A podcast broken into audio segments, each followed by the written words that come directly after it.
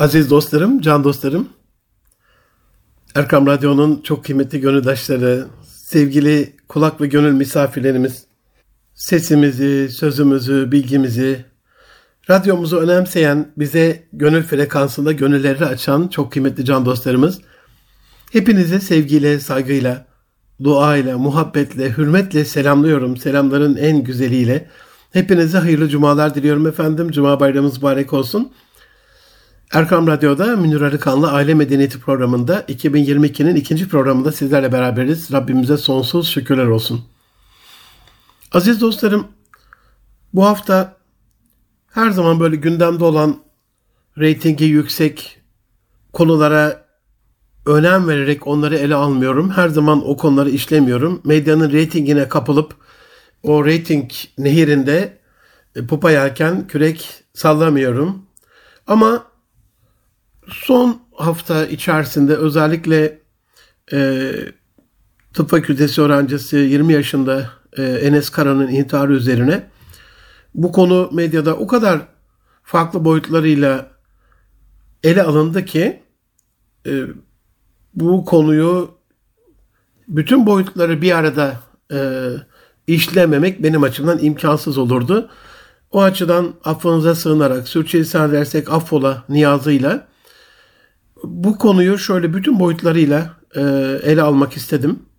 Ne suçu tamamen aileye atarak, ne vakıf yurtlarına atarak, ne milli eğitime atarak, ne gençlerimize atarak, ne kendi kendimize atarak hepimizin sorumlu olduğu ortak bir e, paydada buluşmak amacıyla sorunun büyüklüğü, olayın vehametinin idrakiyle bir düşünce koçu olarak farklı boyutlarıyla ele almayı uygun gördüm. E, kısa kısa bütün boyutlarıyla düşünmenize sağlamak amacıyla her bir boyut üzerine mesela aile boyutunu ele aldığımda o boyut üzerine e, ayrı bir program yapılabilir ama sizlere de olayın bu çok yönlü, çok boyutlu yönünü bütün boyutları ele almanızı, üzerinde düşünmenizi sağlamak e, amacıyla kısa kısa değinmek istedim. Öncelik olarak e, her kul e, kendi yaşadığı durum çerçevesi içerisinde e, mahşerde ve ahirette muameleye tabi kılınacaktır. Hiç kimse bu dünyada cennet ve cehennem dağıtmıyor. Hepimiz Rabbimizin rahmetine, merhametine e, muhatabız, muhtacız. Dolayısıyla e, kendi durumu içerisinde her, kul, her kulun kendi hesabını vereceği bir şeyde e, cennet, cehennem kefeni biçmek kimsenin haddine değil. E, rahmetli Enes Kara'ya Rabbimin mağfiretini, rahmetini diliyorum. Acılı aileye başsağlığı diliyorum. Bu olaydan etkilenerek kendi durumlarını e, bir tefekkür etmeye vesile olması hasebiyle genç kardeşlerimize, ailelere, milli camiasına, üniversite camiasına, e, kanaat önderlerimize, vakıflarımıza, derneklerimize, sivil toplum kuruluşlarına bir e, muhasebe yapma imkanı vermesini Rabbimden niyaz ediyorum. Aziz dostlarım, medyada çok şey yazıldı, çok şey çizildi ama hakikat adına olayın çok boyutlu tüm yönlerine dikkatinizi çekmek amacıyla her şeyden evvel bu programı hazırlamaya uygun buldum. Ve kısaca kısaca az evvel dediğim gibi olayı tüm yönleriyle ele almaya gayret edeceğim. Lütfen e, bunu bir intiharın irdelenmesi, onun üzerinden reytingi bol bir vakitte konuşulması, acılı ailenin acısının depreştirilmesi ya da basit bir suçlu aranması faaliyeti olarak değil, kendi durumumuzun farkına varılması faaliyeti olarak e, bunu kabul buyurunuz efendim. Can dostlarım, olayın aile boyutu özellikle çocuklarımızın kendi yetenek ve potansiyelleri keşfedilmeden, çocuklarımızın farkına varılmadan büyütüldüğü gerçeğini, hakikatini bir şapkayı önümüze koyup düşürmesi gereken büyük bir mesele olarak e, önümüze getirdi.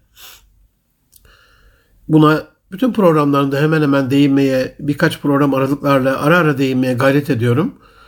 Gul kulun ya'melu ala şakiletihi gerçeğinden yola çıkarak herkesin kendi şakile yetenek, karakter, potansiyel e, ve içindeki o nüveye göre e, amel ettiği, davrandığı, yaşadığı bir dünyada bu yetenekler, bu potansiyeller keşfedilmeden ailelerin kendi gündeminde olduğu o farklı farklı hedefler, hayaller boş bir konutudan öte geçmiyor. genellikle. %5 ile %10 hariç kendi gemisini kurtaran kaptan. Ailenin tabi tek hedefi sınav olunca, ailelerin tek umudu üniversite olunca sanki üniversiteyi kazanamayan çocuk cenneti kazanamamışçasına ya sizin çocuk işte üniversiteyi kazanamadı mı vah yazık e, cümlesine muhatap kalmamak kaydıyla aile içerisinde İslami bir hayat tarzının eksikliğini bütün hücrelerimizde, bütün genlerimizde hissediyoruz. Anne babaların çocuklara bu konuda bilinçlendirmesi, bilgilendirmesi hatta bilinçlendirmeyi terbiye etmesini bırakalım. Basit bir günlük, haftalık, aylık, yıllık bilgilendirmeden bile uzak olduğunu biliyorum. Nasıl bir çocuk yetiştiririm yerine hedefine nereyi kazanan bir çocuğum var önemseyen bir ailenin bunu sadece e, Enes Kara'nın ailesi için söylemiyorum. Sadece bu tarz e, sonlar yaşayan e, çocuklar ve aileler olarak söylemiyorum. Hepimizin içerisinde yaşadığı bir durum, bir gerçek bu. İslami hususiyetler için hiçbir çabası olmayan, mesela nasıl daha güzel bir Kur'an-ı Kerim okuturum, çocuğuma namazı nasıl daha güzel kıldırabilirim diye bir özel ders ya da özel etüt merkezi peşinde olmayan, böyle bir e, hoca aramayan, zaten arasa da böyle bir merkez bulamayacak ama e, ama nasıl iki soru daha fazla çözebilir de puanını yükseltebilir diye asıl kaygısı bu olduğu için özel dersler, hocalar, etüt merkezlerin kapısını aşındıran bir anne babanın bunu Enes olarak söylemiyorum. Lütfen yanlış anlamayın. Genel olarak irdeliyorum ben şu anda. %90'ımız da bu haldedir. %95'imiz de bu haldedir. Ee, bu tarz e, çaba içinde olan anne babaların ondan sonra da oturup ağlamaya haklarının olmadığını düşünüyorum. Aile boyutu böyle. Çocuklar boyutuna baktığım zaman ilkokuldan itibaren sınav mahkumu yaptığımız, not baskısı ve sınav baskısı ile yarış atına dönmüş, okul fobisi, ödev fobisi ve sınav fobisinin arasına sıkışmış ve bu üç fobiden dolayı okul fobisi, ödev fobisi ve sınav fobisinin e, arasındaki bu sıkışmışlığıyla depresif bir hayat yaşayan, mutlu olamayan, huzurlu olamayan, sürekli bir korku kaygı içerisinde zavallı yavrularımızın bebeklikten itibaren bir de ellerine tutuşturulan telefon, tablet, karşılarına koyulan televizyon, film, çizgi film ve sapkın oyuncaklar, ellerine tutuşturulan sapkın oyuncaklarla İslam'dan, imandan, irfandan, ilimden bir haber büyütülmüş çocuklarımızın inanın hali içler acısı. İnsani, vicdani, ilahi, İslami değerlerden ziyade not, puan, skor, test ve derecelerin önemsendiği bir ortamda yetişmiş çocuklara ondan sonra da e, ey çocuk sen neden böyle yaptın demeye hakkımızın olmadığını düşünüyorum.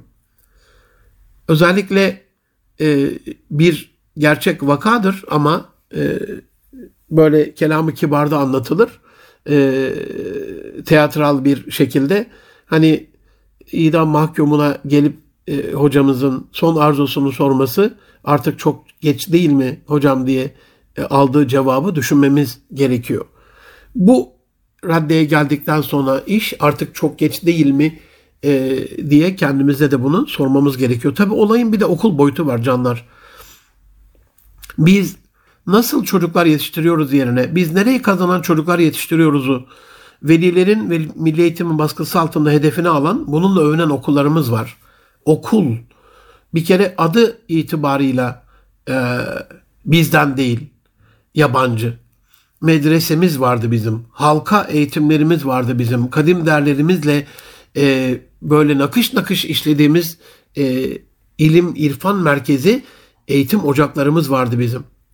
Ortamı itibarıyla inanılmaz absürt kılık kıyafetleriyle, edebe muhayir davranışlarıyla, sınıfında, koridorunda, bahçesinde, kantininde, spor salonunda, okulun hemen dış kapısında ve duvarlarının kenarında oradaki muamelatı ile edep, ahlak ve hayadan çok uzak sözlü ve fiili davranışlar sergilenen bir ortam olarak okulu bir düşünün. İnanın hani gönlümden böyle ya çocuklarımızı okullara göndermeliyiz. Böyle içten e, ve şu okula göndermeliyiz diye böyle e, içim böyle e, coşarak e, söyleyebileceğim mekanlar o kadar az ki. Kadim medeniyetimizin eğitim, öğretim, irfan, edep ve terbiyesini hedefine almayan bir ortam. Okul şu an itibariyle baktığımızda geçenlerde e, medyada da ele alınmıştı. İşte e, Türkiye nereye gidiyor? Buna izin vermeyeceğiz. Cumhuriyet e, elden gidiyor diye suçu neymiş okulun? Efendim zilini mehter e, yapmış. Yani bu tarz kavram kargaşası yaşanılan daha çok değil yani 20 yıl evvel 28 Şubat döneminde işte okulun damında, okulun bahçesinde namaz kılınıyor diye sanki bunu yani okulda fuhuş yapılıyor affedersiniz e, haberiyle birebir frekansta veren bir medyamız vardı. Şu kadim İslam diyarında. Öğrencilerinin birebir ilgi, destek ve alakası için onları tanıma imkanı vermeyen aşırı kalabalık okullar. Bir düşünün nasıl keşfedilecek çocuk, nasıl anlaşılacak çocuk ve okul boyutunda sistemin en büyük handikapı bence okullarımızın bağımsız ve hesap sorulabilir olmayışı, özerk olmayışı. 150-200 sene evvel Amerikan, İngiliz, Alman, Fransız hatta İtalyan okullarına yani bu ülkeye gelip bizi işgal etmiş, bizi mahvetmiş, öldürmüş, e, katliamcı, soykırımcı e, ülkelerin okullarına bu ülkede kendi öğretmenlerini seçip kendi kadrosunu kurma hakkı vermişiz. Ama bugün proje okulları dışında okullarımızın kendi kadrosunu seçme hakkı yok. Bunun vehametini anlamak için şöyle düşünmenizi istirham ederim. Mülakat yapmadan, iş görüşmesi yapmadan, işe alım kıstaslarına bakmadan, kendi ihtiyacına bakmadan, hangi departmana hangi eleman alacağını planlamadan, takım ruhunu oluşturmadan, o takım ruhunu halel getirecek, getirmeyecek kaygısını gütmeden kendine eleman yollanan bir şirketin vahim durumuna benzer bu durum öylesine rastgele oluşturulan, e, oluşturulan, aralarında kimya tutmayan, iletişim olmayan, hatta birbirine zıt karakterlerde, hatta birbirine düşmanlık yapan bir kadro nasıl başarılı olabilir canlar nasıl? Okulun bir de arkadaş boyutu var. Çocuklarımızın hani okul içerisinde ve okul dışarısında çocuklarımızın arkadaş seçimine ne derece dikkatliyiz? Nitelikli İnsan programımda 2022'nin ilk programında Halit Ertuğrul hocamla bunu biraz değindi buna Allah razı olsun hocam. Yani çocukları okula göndermekten murat iyi bir ortamda. Niye anzer balı kıymetli? Çünkü o ortamda anzer yaylasında o kadar değerli bitkiler var ki onların özü anzer balını oluşturuyor. Çocuklarımızı o kadar değerli bir ortama, o kadar değerli bir aile ortamına, çevre ortamına e, getirmeliyiz ki burada arkadaş seçimine o kadar çok dikkat etmeliyiz ki bu önem sıralamasında okulun eğitiminden daha önemli olmalı. Medeniyetimiz ne söyler? Ev alma komşu al der değil mi? Çünkü dünya saadeti için akrabadan çok daha önemlidir komşu. Çünkü en yakınındadır. Akrabandan, anne babandan çok daha yakındır yani. Çocuklarımızın arkadaşı itibariyle olaya ne derece yakınız? Arkadaş ortamları ne derece kadim medeniyetimizin mekanlarına benziyor? Sorgulamamız lazım canlar. İçeceği yabancı, mekanı yabancı, müziği yabancı, konuşmaları bize tamamen yabancı, dil ve terminolojisi kavramları tamamen bize yabancı, davası yalancı bir mekanın ne tür bir nesil oluşturacağını biraz düşünelim lütfen. Müdür boyutunu ele alalım. Okula baktık, arkadaşa baktık. Ne öğretmenine, ne öğrencisine, ne de velilerine hakim olamayan maaş, atama, kadro, ünvan, makam odası, Prestij peşinde idareciler gördüm ben bu ülkede. Karış karış dolaştığım 800'ü aşkın ilçe ve 81 ilde. Ben mesela bir okula gittiğim zaman aziz dostlarım 800'ü aşkın ilçe ve 81 il diyorsam karış karış dolaştığım şu vatan coğrafyasında herhalde alın terimi damlattığım mekanlarla ilgili bir söz söylemeye de acizane hakkım vardır diye düşünüyorum. Ben bir okula gittiğim zaman 31 Mayıs 2000'den beri bu işi yapıyorum. 22. yılındayım. Çok basit iki kriterim var bir okulu değerlendirme ile alakalı. O okulun kadrosunu, müdürünü, liderini, yönetim kadrosunu değerlendirme ile, kalitesini değerlendirme ile alakalı. Müdür beyin odasına bakarım, müdür hanımın odasına bakarım. Makam odası makam odasına dönüşmüşse sınıflardan çok daha büyük birkaç sınıf alacak kadar böyle itişamlıysa notum sıfırdır. Ve affedersiniz ama en nezafet minel iman olduğu için tuvaletlerine bakarım e, tuvaletleri sınıfları kadar temiz değilse okula belli bir puan veririm. Dolayısıyla e, liyakaten böyle orada olmayan, liyakattan ziyade resmen mevcut olmayan müdürler tanımışlığım var. Okuldaki öğrencilerini tanımayan ve tanıma çabasında da olmayan, öğrencisine ulaşamayan, öğrencisine ulaşmak kaydıyla öğretmenlerini seferber etmeyen bir yönetim Enesleri nasıl fark edecek? Nasıl yardımcı olacak? Öğretmen boyutuna bakalım isterseniz biraz da. Ben ahlaklı, vatanına, milletine bağlı, Müslüman, vicdanlı, irfanlı bir nesil yetiştirmeliyim lafına bile tahammül edemeyen öğretmenler var. Hedefine sınav sonucunu almış, başarısını nota ve teste bağlamış öğretmenler var. Öğrencisini verdiği ödevlerle bunaltmış öğretmenler var. Öğrencisine, velisine karşı ilgisi siyasete, bürokrasiye, makama ve mevkiye göre çok minimal kalmış, düşük kalmış öğretmenler var. Ölçme ve değerlendirmede İslami, insani, vicdani, ahlaki boyutu boş vermiş öğretmenlerimiz var. Kadir Şinas bütün meslektaşlarımı, bütün değerli öğretmenlerimi tenzih ediyorum.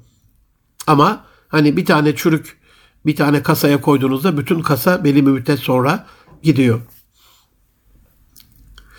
Milli eğitim boyutu çok daha vahim. Biliyorsunuz geçen ay 7 yıl aradan sonra 2014'ten bu yana ilk defa yapılan 20. Milli Eğitim Şurası'nda 3 konu ele alındı. Twitter'da da epey bir yazdım karşıt görüşümü. İşte temel eğitimde fırsat eşitliği, meslek eğitimin iyileştirilmesi ve öğretmenlerin mesleki gelişimi. 2022'ye girerken e, bu mudur?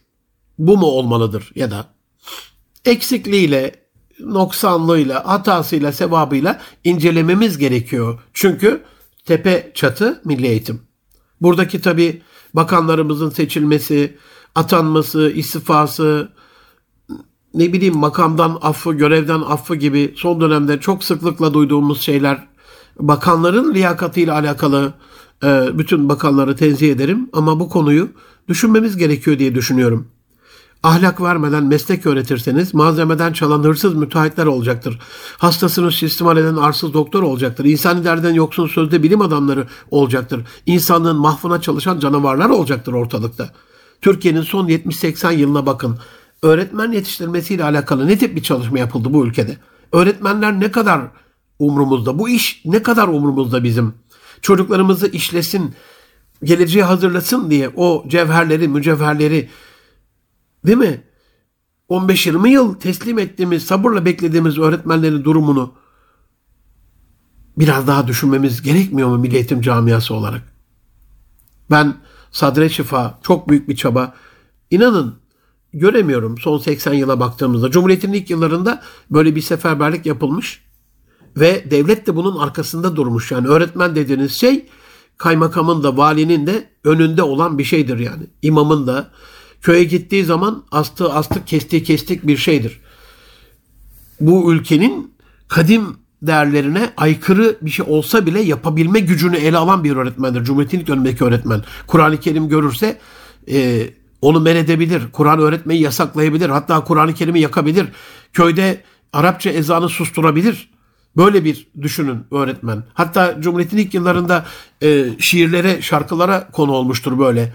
İşte bırakın e, Arap'ın dini Arap'ın olsun. Bırakın dedeleriniz, nineleriniz e, bir yerde olsun. Size öğretmen gerek, e, her şeyiniz öğretmeniniz olsun falan tarzı. Yani bu olsun anlamına söylemiyorum ama kadim medeniyete eşdeğer onu besleyecek türde aynı yöne bakan, aynı şekilde yürüyen e, bir öğretmen yetiştirilmesi lazım değil mi Milli Eğitim Bakanlığı açısından? Sadece ben çok yönlü ele alarak sormak istiyorum size bunu. Olayın tabii bir de hani siyasetten uzak bir program yapmaya gayret ediyorum. Gerçekten de siyasetten çok uzak, e, siyaset dışı bir insanım. Hiç hedefimde, amacımda siyasetin sesinin olmadığı bir kardeşinizim ama hükümet boyutunda ele almamız gerektiğini düşünüyorum bu olaylar yaşanırken. Çocuklarımızın yetiştirilmesi bir devletin birinci önceliğidir aziz dostlarım. Önceliklerimize bir bakalım. Sayın Cumhurbaşkanımız zaman zaman öz eleştiri yapar. Ama ben bunu bakanlarımızın, işte il müdürlerimizin, il milliyetin müdürlerimizin, okul müdürlerimizin, öğretmenlerimizin, velilerimizin, bizim kendimizin de yapması gerektiğini düşünüyorum zaman zaman. Sayın Cumhurbaşkanımız söyler. İşte e, eğitimde, e, kültürde, sanatta, son dönemde şehircilikte maalesef başarısız olduk diye demeçleri var bu dört konuda. Belki son dönemi e, analizlerine baktığımız zaman söylemedi ama henüz yakında aile konusunda da biz çok başarısız bir durumdayız e, demesini bekliyorum açıkçası. Çünkü bu durumdayız. İslam insan işya, e, inşa ve ihya etme dinidir. İnsanı inşa etme ve ihya etme dinidir. Elbette şehirlerde inşa edilir ama Mimar rahmetli Turgut Cansever'in dediği gibi şehri imar ederken nesli ihya etmeyi ihmal ederseniz ihmal ettiğiniz nesil imar ettiğiniz şehri tahrip eder, imha eder demişti. Aynen böyle. Biz bir şehri imar edeceğiz. Bir bir mesleği imar edeceğiz. Biz bir bölgeyi imar edeceğiz ama bu sırada nesli ihya etmeyi ihmal edersek sonumuz çok harap oluyor. Özellikle fıtratın keşfine önem verilmelidir diye düşünüyorum. Çocuklarımıza fıtratlarına uygun bir eğitim ve mesleki yönlendirme yapılmalıdır diye düşünüyorum. Herkesin üniversite okumasını şartmış gibi gören bir sistemden acilen vazgeçilmesi gerektiğini düşünüyorum. Sanata, ziraate, zanaate, ticarete, sanayiye, ara eleman yetiştirilmesi için meslek eğitim seferberliği başlatılmalı ama meslek öğretilirken ahlak öğretilmezse o da ileride başımıza bela olacak. Bu konuda birinci öncelik haline gelmesi gerektiğini düşünüyorum. Dünyanın en kaliteli mesleki eğitim sistemi olan ailelik sisteminin yeniden ihya edilmesi gerektiğini düşünüyorum. Aziz dostlarım, çocukların küçük yaşta fıtratlarını keşfederek acilen 20 yıldan beri söylediğim gibi yüksek ihtisas ilköğretim okulları sistemine geçilmesi gerektiğini düşünüyorum. Bu konuda Google'dan hatırım için lütfen müsaitseniz şu anda programı dinlerken müsaitseniz programı dinledikten hemen sonra yoksa ilk müsait vaktinizde Google'a Münir Arıkan eğitimde reform diye yazarsanız karşınıza benimle ilgili epey bir bilgi çıkacaktır. Ama özellikle Profesör Doktor Hayrettin Karaman hocamın Yeni Şafak'ta kendi köşesinde iki farklı haftada ele aldığı e, iki farklı önerimi ona sunduğum, onun da tasdik ederek ya manevi evladım Münir Arıkan'ın bu önerisine dikkat edin, bunu önemseyin diye bununla ilgili kaleme aldığı yazıyı benim mektubumla beraber okumanızı istirham ederim. Bugün Allah razı olsun Savunma Sanayi Başkanımız İsmail Demir, Profesör Doktor İsmail Demir ağabeyden, Allah razı olsun Profesör Doktor Temel Kotil ağabeyden, Allah razı olsun Selçuk Bayraktar'dan. E, bu üçü el ele özellikle Teknofest'te e, savunma sanayine odaklanan, ona önem veren çocuklarımızı keşfederek daha küçük yaşta bu yıl ilk defa elhamdülillah diyorum 800 ilk öğretim talebesi Teknofest stajyerliğinde imza altına sözleşmeli olarak imza altına sözleri taahhüt altına alınarak e, yaz tatilinde o alanda staj yaparak yetiştirilmeye gayret edilecek. Bu Türkiye'de bir ilk ve en büyük devrim bence. Ben 20 yıldan beri bunu şöyle savunuyorum. Diyelim savunma sanayinde özellikle diyelim bir silahla alakalı diyelim bu tabanca olsun. Çocuk yetiştireceğiz. Bunun bir okulu olması lazım.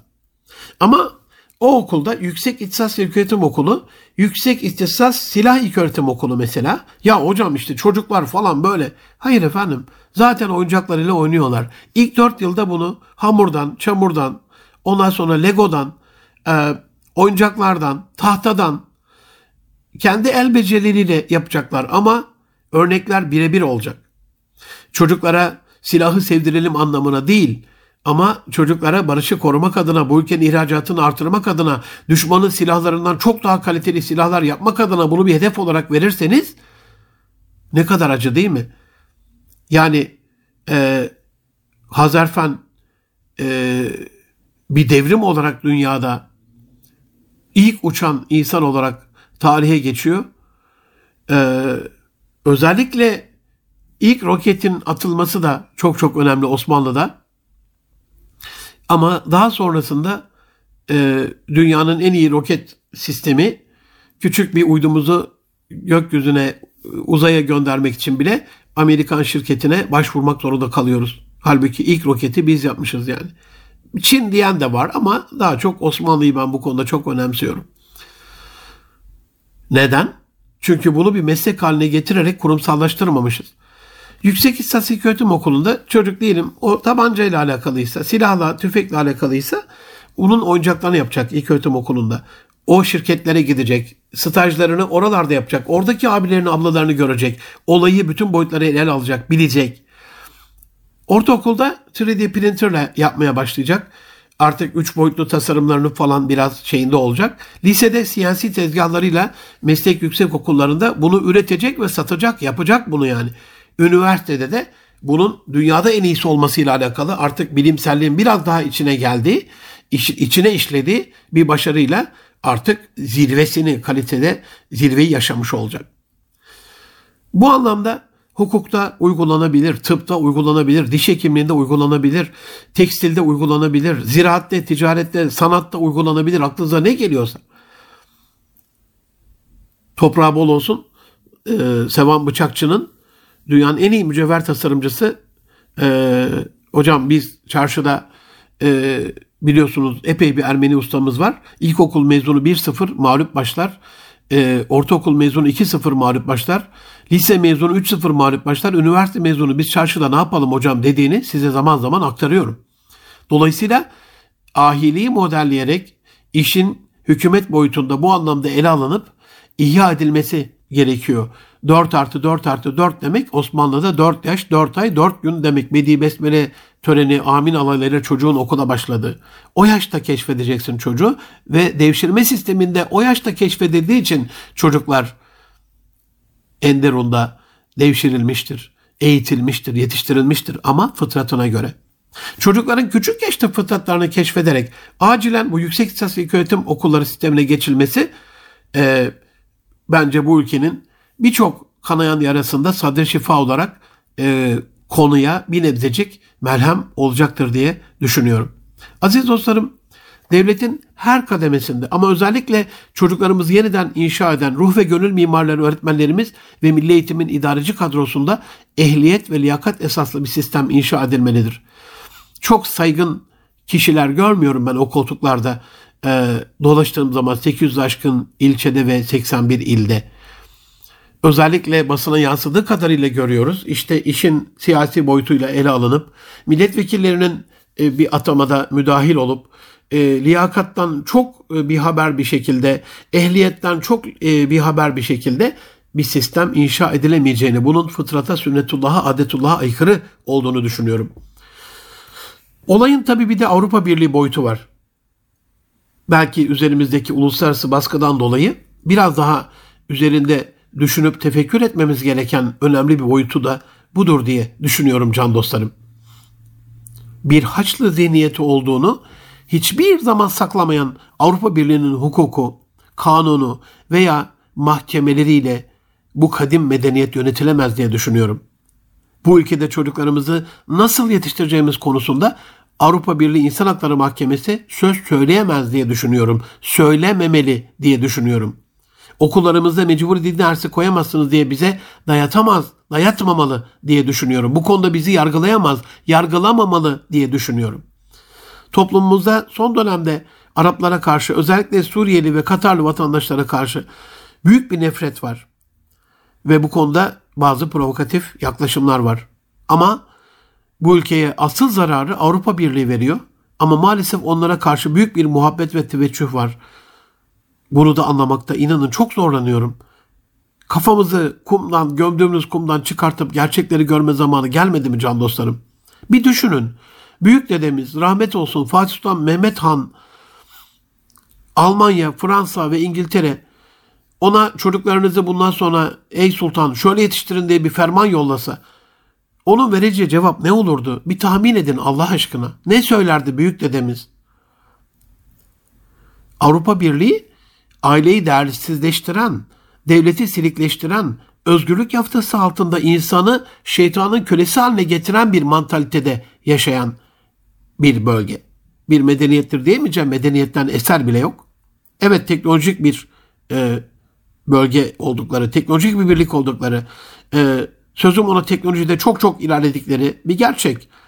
Ama onların gittiği yolun sonu belli. Onların ayak iziyle yürüyemeyiz aziz dostlarım. Ailelerde anne babanın etkisini ve etkisini zulüm gören, anne baba veya eş bir şey söylediğinde bunu zorbalık olarak gören ama aileden ve evden koparttığı gençlere veya kadınlarımıza veya kızlarımıza iş dünyasında para karşılığı köleliği getiren ya da köleliği öneren Avrupa Birliği'ni tasvip edemeyiz. Hocam nasıl bir kölelik bu diye bir soru oluşabilir aklınızda. Mesela Batı'nın son dönemde çok sıklıkla görmeye başladım bunu. Kadınlara evlenmeyin diyor. Evlenirseniz Çocuk yapmayın diyor. Çocuk yapacaksanız bile şimdilik 15-20 yıl bunu erteleyin. Çünkü kariyer çok önemli. Kadın istihdamı çok önemli. Cinsiyet eşitliği çok önemli. Kadının ezildiği yeter artık evde e, eşi tarafından. Buna karşı çıkın. Her türlü dini, milli, manevi, e, örfe, töreye, geleneğe karşı çıkın. Bunun parasını biz size verelim. Yumurtalarınızı dondurun. E, emekli olduktan sonra tüp bebek yöntemiyle çocuk sahibi olursunuz diyen bir batının ahlaklı ve namuslu olduğunu söyleyebilir misiniz? Aziz dostlarım bu bütün e, çok uz şirketlerde hızla artan bir gelenek haline geldi ve bizim medyamızda medyamızda da maalesef bu alaksız teklife a Avrupa'dan Amerika'dan işte çalışanlara yumurtalarını dondurma hakkı, fırsatı, imkanı diye çok saçma, çok sapkın e, kelimelerle e, çanak tutulduğunu görmek çok acı veriyor yüreğime. Batı'nın geldiği bu ahlaksız, bu vicdansız, bu irfansız durumun bizi nereye getireceğini bir düşünün lütfen. Yani Diyanet İşleri Başkanlığımız bir kamu spotu yaptı. Ee, bir hanımefendi çok sevdiği eşine bir tabak çay, bir tabak kurabiye getiriyor. Kadın köle olur mu? Kadın işte böyle e, yıpratılır mı falan diye dünya kıyamet koptu. Dünyaları ayağa kaldırdılar. Peki kadına e, kocasına bu şekilde hizmet etme diyen e, bir e, mantalite onu dışarıya aldığında herkes kadına hizmet etsin mi diyor yoksa bu kadın herkese hizmet etsin mi diyor. Bunların namusunu, dürüstlüğünü buradan anlayabilirsiniz. Aynı hanımefendiyi evinde bir tane evinin erkeğine, gönlünün sultanına, gönlünün yarısına, ruh ikizine, hayat arkadaşına hizmet etmesini e, kölelik olarak gören zihniyet o hanımefendiyi alıp bir uçağa koyup 250-300 kişiye tam da vaktinde çok güzel bir şekilde süslenerek püslenerek aman makyajında bir şey olmasın. Kılık kıyafetin en güzel en böyle e, alımlı bir şekilde görünecek şekilde e, çok böyle çıtkıldığım bir şekilde nazik bir şekilde aman ha kötü bir söz söylemeden her birine ayrı ayrı ayrı buyurun efendim hoş geldiniz efendim ne istersiniz efendim diye hizmetkarlığı görev aşkıyla açıklıyor. Bunu sizin vicdanınıza, irfanınıza bırakıyorum aziz dostlarım hanımefendilerin, kadınlarımızın, kızlarımızın, annelerimizin, eşlerimizin çalışmasına elbette karşı değiliz ama İslami çalışmasını önerebiliriz. İslam dışı bir çalışmayı öneremeyiz. Hele hele böyle kariyeri önemseyip aileyi yok eden bir teklife namuslu bir teklif diyemeyiz. 50 yaşında çocuk sahibi mi olunur? Bunun fıtratı ne kadar ters olduğunu bilmiyor musunuz? Üstelik şu anda iş dünyasında Avrupa Birliği'nden ve Birleşmiş Milletler'den o kadar bu LGBTQ plus ile alakalı e, baskı geliyor ki. Hocam LGBT biliyorduk bu e, QI plus ne? 50-60 tane daha sapkın fuhşiyat beraberinde geliyor. Bunun hepsini bir cinsel kimlik, bunun hepsini bir cinsel özgürlük olarak görüyorlar.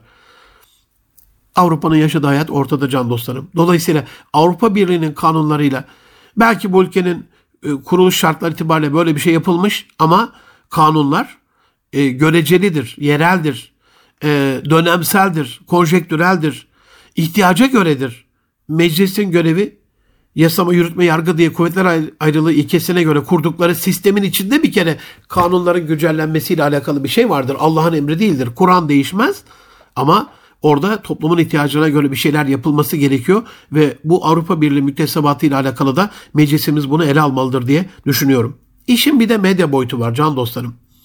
Medya işte bunun içinde sosyal medya var, televizyon var, yazılı basın var, filmler, diziler, her türlü platformlar çocukları daha bebekten itibaren o gaya kuyusuna çeken bir sarmal, bir bir tünel, bir e, kara delik haline gelmiştir anne, baba, aile, akraba, abi, abla ya da öğretmenin kendi faydasına bir tavsiyesini kendine saldırı olarak gösteren bir anlayışı pompalıyor medya. Aman ha diyor. Annen öyle diyorsa karşı çık. Baban seni zorluyorsa karşı çık. İşte bu tarz e, çocukların mesajlarını gündeme getiriyor. Ya bak işte böyle baba baskısı var. Aman böyle işte anne zulmü var. Bunu yapmak zorunda değilsin. Özgür ol. Sokağa çık. Sokakta yaşa. Bağımsız ol. Geçen hafta Twitter'da paylaştım. İspanya hükümeti ailesinden kopması için e, Avrupa Birliği'nde biraz daha geleneklere bağlı bir şey olarak görünür. Mesela Almanya'da, İngiltere'de 18 artı birinci gün çocuk çıkar İsviçre'de. Orada biraz daha uzun sürüyormuş.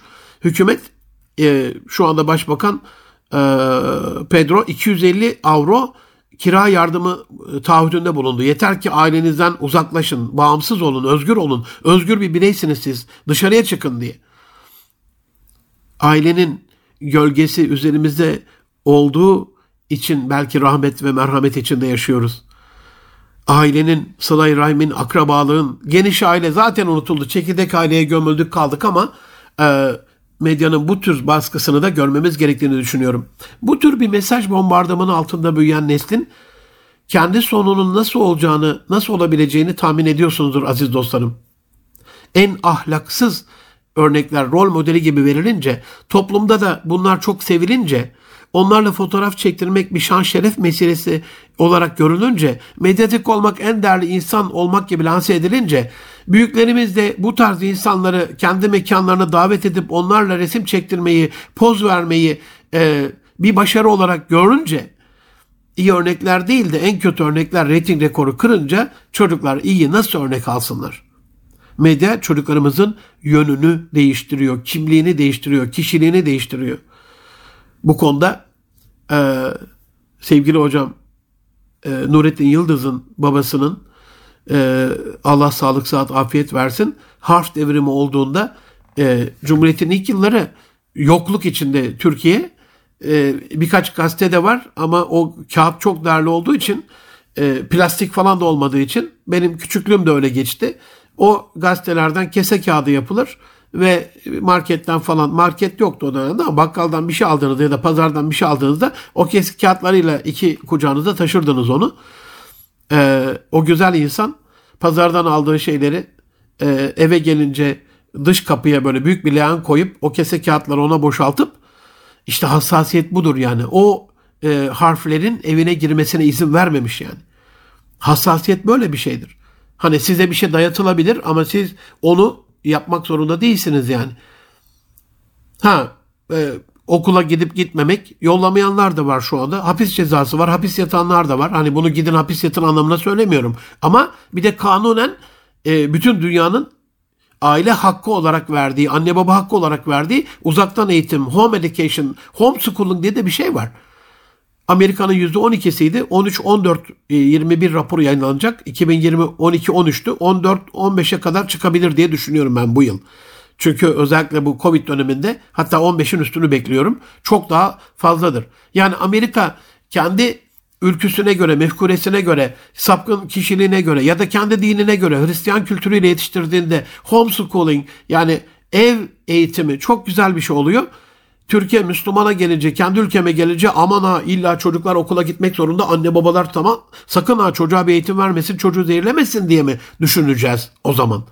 Madem bu kadar modern ve medeni olduğunuzu iddia ediyorsunuz o zaman medeni modern görünen ülkelerden bir e, unsuru bir usulü ele aldığımızda da buna karşı çıkmamanız gerekmez mi? Ahlaken ya da e, mantıken, aklen. Tabii üniversiteleri de e, ele almamız lazım. Olayın bir boyutunda da üniversiteler var. Fıtratına, yetenek ve kabiliyetine göre meslek seçemeyen yavrularımız, sevdiği işi bir işi yapamayan ve o işi sevdiği mesleği yapmasını sağlamayacak bir üniversitede, bölümde anlam boşluğu içerisinde yetişiyorlar. Onun için ikinci üniversiteye gidiyorlar, üçüncü üniversiteye gidiyorlar. Kendi anlam arayışları işte ya da bölüm değiştiriyorlar. Boşuna değil bunu yapmaları aziz dostlarım. Mesajın hepsini okumayacağım ama yani işte e, mektupta bırakılan mektupta işte tıp okuyorum, notlarım berbat. Elimden geldiğince çalışıyorum ama olmuyor. Çalışmak için vaktim de olmuyor. Sınıfı geçemeyeceğim. Ee, hadi daha kolay bir üniversiteye geçtim. Mezun olunca TUS var. İşte şöyle böyle çalışmam lazım. Şunlar işte falan falan karşılanamayacağım. E, detayını okumayacağım ama bu, burada büyük bir feryat var. Başak Altunduğ diye bir öğrencimiz vardı tıp fakültesinde okuyan. Annesi e, profesör, babası profesör ayrılmışlar. Bir anlam arayışında annesinin boğazını keserek öldürmüştü. Medyada hep hani olayı bir boyutuyla tartışmak reyting rekoru kırdırıyor. İşte burada da vakıf yurtları kapatılsın, diyanet kapatılsın, Müslümanlar falan ellerine gelse her, herkes öldürülsün. Oraya getirecekler işi.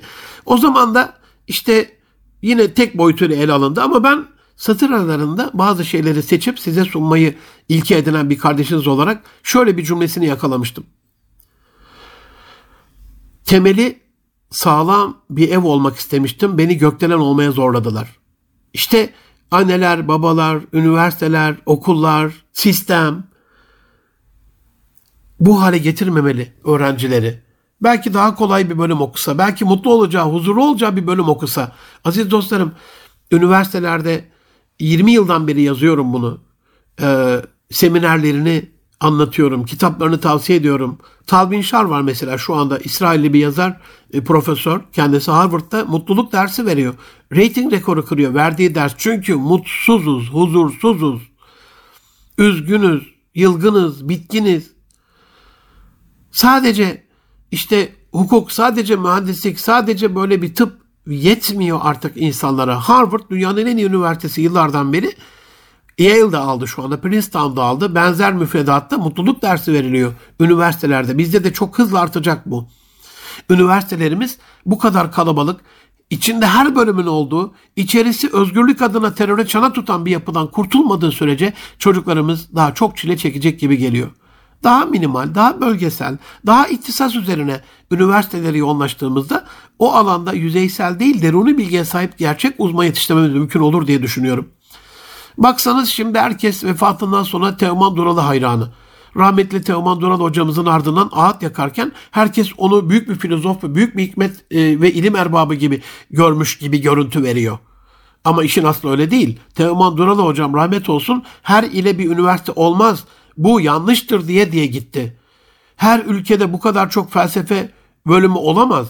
Tezini savundu. Bakın Avrupa'da bir Sorbon vardır sadece Fransa'da Paris'te bir tane Sorbon değil. Avrupa'da bile hani felsefe dediğinizde Sorbon akla gelir. Belki bu bir, her kıtada bir tane bir felsefe oluru savunacak düzeyde. Bunu söylemedi ama o kadar savunurdu bunu. Ama sözünü kimseye geçiremedi, kimse ikna edemedi. Öyle gitti garip bir şekilde.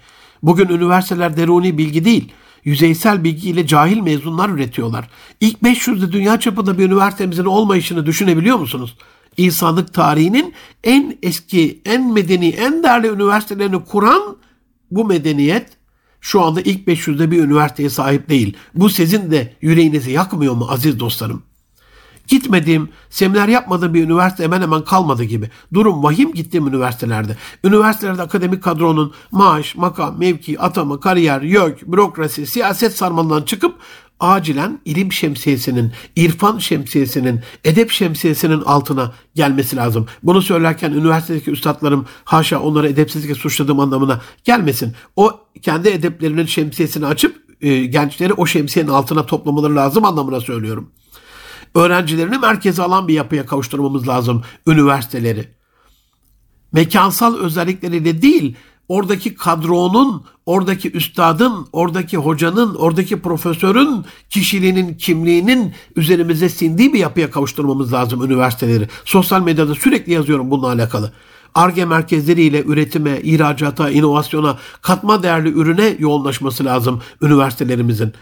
200 aşkın üniversitemiz var. Her üniversite en azından ithalatımızda en fazla döviz harcadığımız ilk 200 ürünün bir tanesini, bir kalemini ele alsa, o üniversite bütün bölümleriyle onu ele alarak ülkesi için bir şey üretse, o üretimin içinde o çocuklarımız koştursa, o üniversitenin döner sermayesi ondan bir pay alsa, onunla yatırımlar yapsa, o çocuklara farklı farklı işte e, staj, e, stajyer maaşları bağlasa, Onunla yurt dışı imkanları verse, gezdirse, e, orada yedirse, içirse, ağırlasa, yetiştirse, tekrar bu ülkeye döndürse mi iyi? Yoksa hiç farkına varmadan mezun olup çocukların da ya ilk fırsatta yurt dışına gitmek istiyoruz dediği bir sistem mi? Çok daha iyi.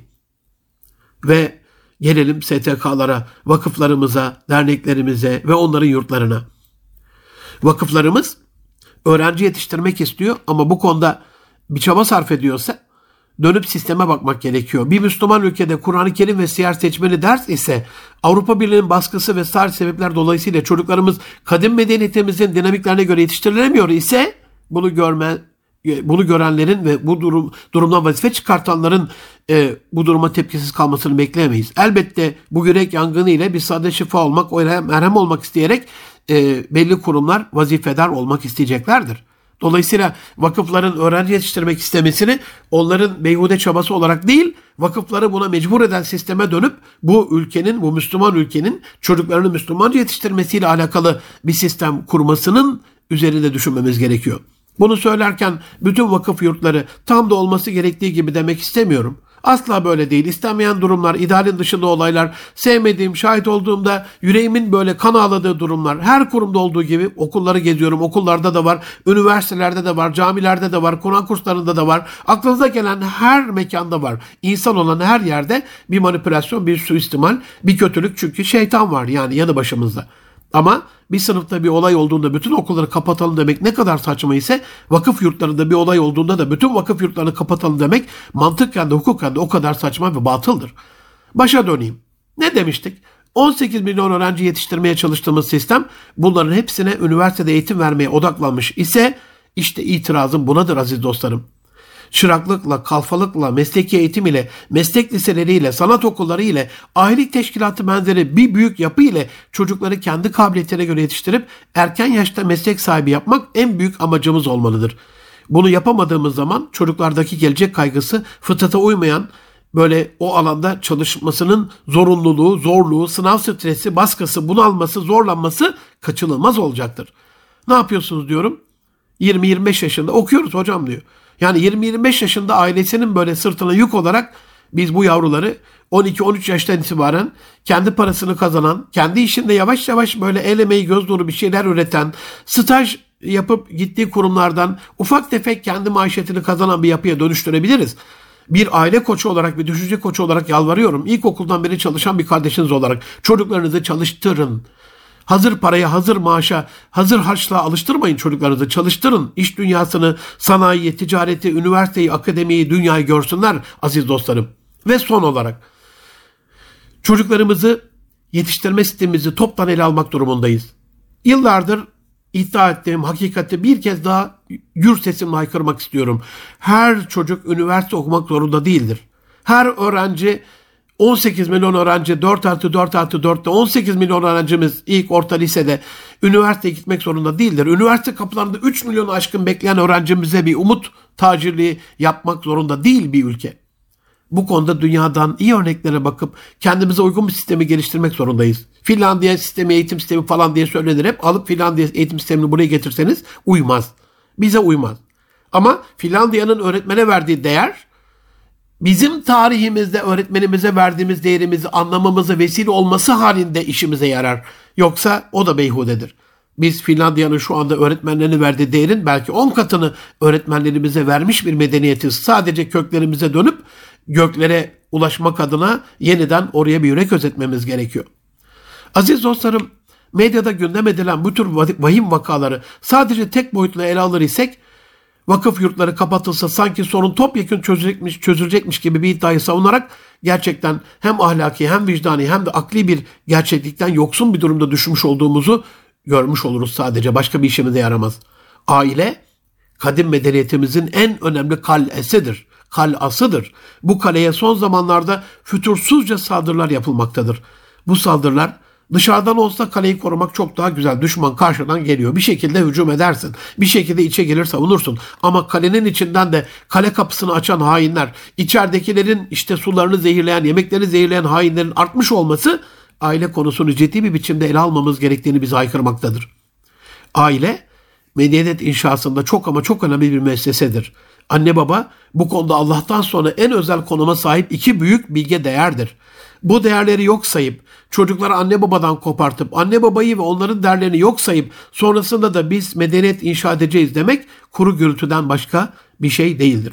Dolayısıyla bu işlediğim bütün alt başlıklarına bakarak Enes Kara olayını yeniden çok boyutlu düşünerek bir daha yaşamamak e, ümidiyle bir daha yaşanmaması için herkesin kendi şapkasının önüne dönüp en önüne koyup düşünmesi gerektiğini e, sizlere tavsiye ediyorum. Bizlere kendi kendimize tavsiye ediyorum. Bunun bunun için böyle bir çalıştay mı yapılıyor? Bunun için burada saydığım bütün yönleri ele alacak bir sempozyum mu yapılıyor? Bunu bilmem ama bildiğim bir şey var. Çocuklara yetiştirilmesi başkalarına ihale edilecek bir şey değildir. Birinci vazifedar olan Allah'ın ilk sorumluluğu verdiği annedir, babadır, ailedir, akrabadır. Sonra eğitim camiasıdır. Sonra yakın arkadaş çevresidir. Sonra toplumdur. Böyle dışa doğru gider halkalar. Burada halkalar, içteki halkalar görevlerini yapamadan devrede devrede boş bir şekilde çocuğu dış halkaya devrederlerse bu tür yürek yakan sonlar kaçınılmaz olacaktır. Rabbimizin bütün çocuklarımızı e, korumasını, muhafaza etmesini ondan Halik-i niyaz ediyorum.